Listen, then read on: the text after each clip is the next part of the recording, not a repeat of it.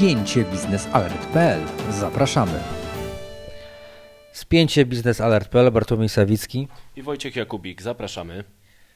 W naszym kolejnym e, programie przedstawimy Państwu dwie z pozoru różne informacje, a de facto e, mające tę samą e, przyczynę i to samo źródło, które należy rozwiązać. Mm, chodzi o raport think tanku niemieckiego Agora Energiewende, a także brytyjskiego think tanku Sandbach na temat udziału odnawialnych źródeł energii w produkcji energii elektrycznej e, w Europie w ubiegłym roku, w 2019 roku. Zgodnie z raportem w ubiegłym roku mm, Unia Europejska, kraje Unii Europejskiej wyemitowały o 125 milionów ton CO2 mniej aniżeli było to w roku poprzednim, a więc 2018. To jest największy spadek od roku 1990. To może cieszyć. E, branżę przemysłową, branżę górniczą może jednak martwić fakt, że po raz pierwszy w historii e, to odnawialne źródła energii, a więc energetyka wiatrowa, źródła fotowoltaiczne, biomasa wyprzedziły w produkcji energii elektrycznej źródła węglowe, węgiel kamienny i brunatny i udział OZE w produkcji energii elektrycznej sięgnął w Unii Europejskiej około 35%. E, Wojtku, jak w takim razie wyglądają inne informacje, także dotyczące spadku, bo tak można chyba powiedzieć, udziału węgla mm, w produkcji energii elektrycznej w Polsce i w całej Unii Europejskiej w, w ubiegłym roku 2019?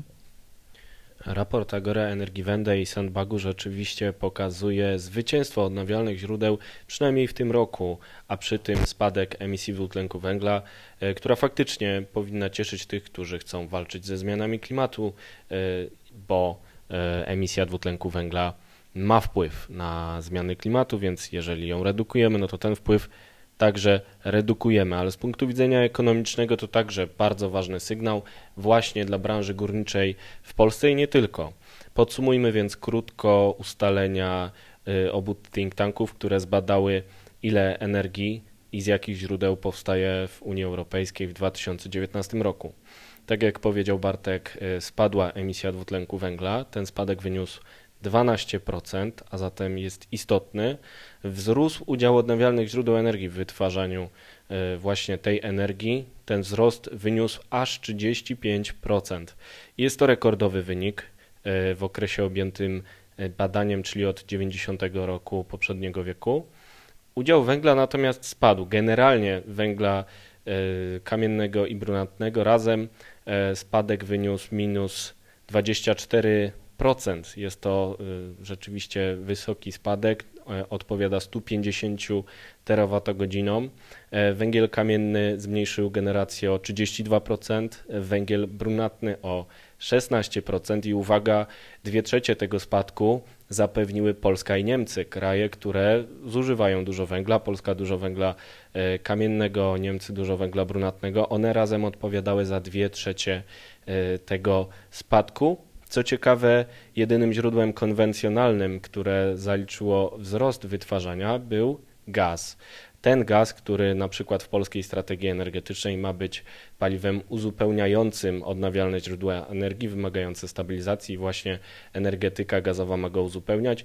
I co ciekawe, widać ten trend właśnie w raporcie y, omawianym w dzisiejszej audycji. Y, dalsze dane, y, które pokazują ten trend również w Polsce, to wyniki e, Polskiej Grupy Energetycznej z 2019 roku. Tutaj także widać ten sam, e, ten sam trend. Węgiel brunatny odpowiadał za wytwarzanie o 17% mniej energii niż rok wcześniej. Węgiel kamienny zanotował spadek o 8%. I tutaj także gaz zanotował wzrost o 9%, chociażby energetyka wiatrowa, czyli odnawialne źródła energii, zanotowały wzrost aż, uwaga, o 20%, więc w strategii, y, w wynikach polskiej grupy energetycznej widać także ten sam trend, który stwierdzili analitycy e, raportu Agora Energiewende i e, Sandbagu. E, można do tego worka dorzucić kolejne dane. Polskie sieci elektroenergetyczne informują o tym, że przy spadku wytwarzania z węgla mamy do czynienia przecież także ze wzrostem importu energii elektrycznej o 10 terawatogodzin. To także jest kolejny rekord już e, wymieniony w naszej audycji. Pokazuje, że e, zmniejsza się wytwarzanie energii z węgla i powoduje to większy import energii do Polski. Czyli te megatrendy, które sprawiają, że węgiel znika powoli z miksu energetycznego, choćby nawet miał wielki udział, tak jak w Polsce, powoduje, że rośnie import energii elektrycznej z zewnątrz. No i to jest y, wyzwanie, na które należy odpowiedzieć.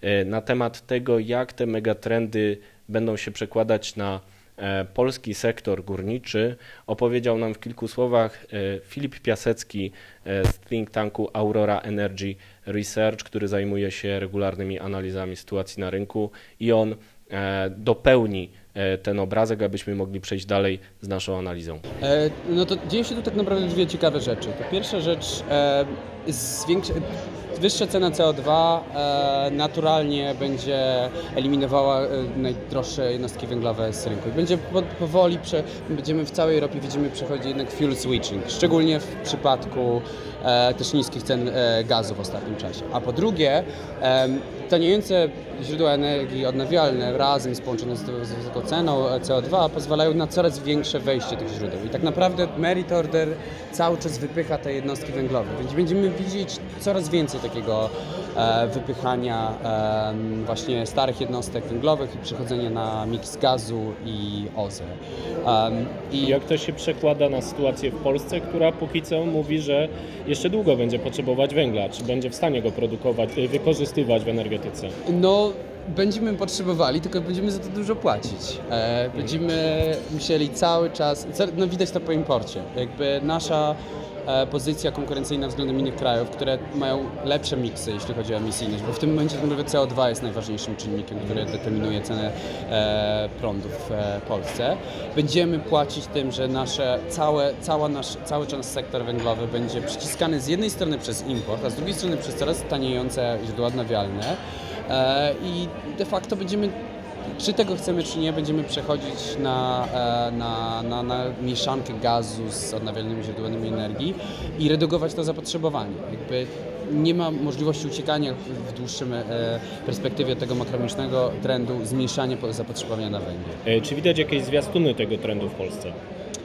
No, widać na przykład po tym, co się dzieje, z, sytuacja polskiej grupy górniczej, tego jak jak tak naprawdę ilości energii, jakby jak spada zapotrzebowanie na energię z węgla, jakie, jaka sytuacja, jak co się dzieje z tą spółką i jakiej ilości niepotrzebnego węgla mamy. I ta sytuacja będzie się pogłębiała. Myślę, że będziemy mieli tak, będzie, będzie trzeba w jakiś sposób zastanowić się, ile tak naprawdę węgla potrzebuje, e, potrzeba polskiej energetyce. Co to oznacza dla polskiego górnika? E zależy tak naprawdę od, y, od polityków i tak naprawdę od tego, w jaki sposób będzie przeprowadzona ta restrukturyzacja, czy w jaki sposób będziemy w jaki sposób będziemy utrzymywać konkurencyjność polskiego górnictwa. Bo tak naprawdę to chodzi o to, żeby dostosować się do tych trendów, e, które no niechybnie przychodzą e, i w jaki sposób przeprowadzimy, sprawimy, że jednak ten górnik będzie miał gdzie pracować. To jest pierwsza informacja, którą przedstawiliśmy w, naszej, mm, w, naszym, w naszym nagraniu, a więc e, raport mm, think tanku na temat pierwszy raz historycznie e, rosnącego e, udziału odnawialnych źródeł energii do tego stopnia, że wyprzedziły one udział węgla w miksie generacji energii elektrycznej w Europie. Jak to w takim razie przekłada się na, wydaje się chyba naj, bardziej gorący e, temat, jaki szykuje się tą gorącą zimą tego roku, to oczywiście górnictwo i możliwe już zapowiedziane wręcz strajki ze strony największej w Polsce i w Europie spółki górniczej, Polskiej Grupy e, Górniczej i która zapowiedziała już e, harmonogram strajków. W związku oczywiście z tym, że strona społeczna, e, związki zawodowe nie, po, nie doszło do porozumienia z zarządem Polskiej Grupy Górniczej na temat mm, e, wysokości e, podwyżek, nowych wynagrodzeń i zrównania dotychczas wypłacanych mm, pensji. Strony nie doszły do porozumienia, mediator nie pomógł i związki zawodowe ogłosiły harmonogram i tak 17 lutego ma zostać przeprowadzony dwugodzinny strajk ostrzegawczy. 25 lutego mają być przeprowadzone referendum strajkowe w kopalniach PGG i wreszcie 28 lutego ma odbyć, ma odbyć się manifestacja górników e, w Warszawie. 6 mm, lutego mm, wicepremier Jacek Sasin i minister aktywów państwowych, który nadzoruje Polską Grupę Górniczą, przyjechał na Śląsk i rozmawia. E, I rozmawia i prawdopodobnie będzie nadal rozmawiał e, z załogą na temat ich postulatów e, płacowych. Jak to się ma w takim razie do wspomnianej, wspomnianego raportu? Prawdopodobnie wszystko na to wskazuje, że jak wynika z raportu Najwyższej Izby Kontroli, restrukturyzacja polskiego sektora górniczego przez ostatnie 4 mm, lata nie przyniosły y, spodziewanych efektów. Y, jedną z kluczowych tez w kontekście naszej dzisiejszej rozmowy to jest ta, która mówi o spadku wydajności nowego podmiotu, jaki powstał z połączenia, z powstania na bazie kompanii węglowej i później katowickiego holdingu węglowego, nowego tworu, jakim bytu, jakim, był, jakim jest Polska Grupa Górnicza, mm, mimo rosnących cen e, węgla, w pewnym momencie nawet o 50% wyższych w 2018 roku aniżeli w 2016, udało się tylko e, osiągnąć niewiele z tych zakładanych wcześniej faktów, ale najważniejszy to y, czynnik, który pokazuje, że restrukturyzacja polskiego sektora górniczego nie odniosła y, planowanych efektów, to spadek wydajności wydobycia surowca o 2% przy jednoczesnym e, wzroście wynagrodzenia o około 13%. Więc spada nam wydajność, spada nam wydobycie rok do roku, a jednocześnie rosną nam pensje. Dodatkowo czynnikiem, który wpływa na to, że już teraz, już na początku tego roku e, przy kopalniach, przy elektrowniach jest około 5 milionów ton e, węgla. Spółka zapowiedziała, że nie da, nie może dać takiej podwyżki, jaką, e, za, jaką postulują związki zawodowe. Z drugiej jednak strony spółka ma problem ze zbyciem tego węgla, który leży na zwałach.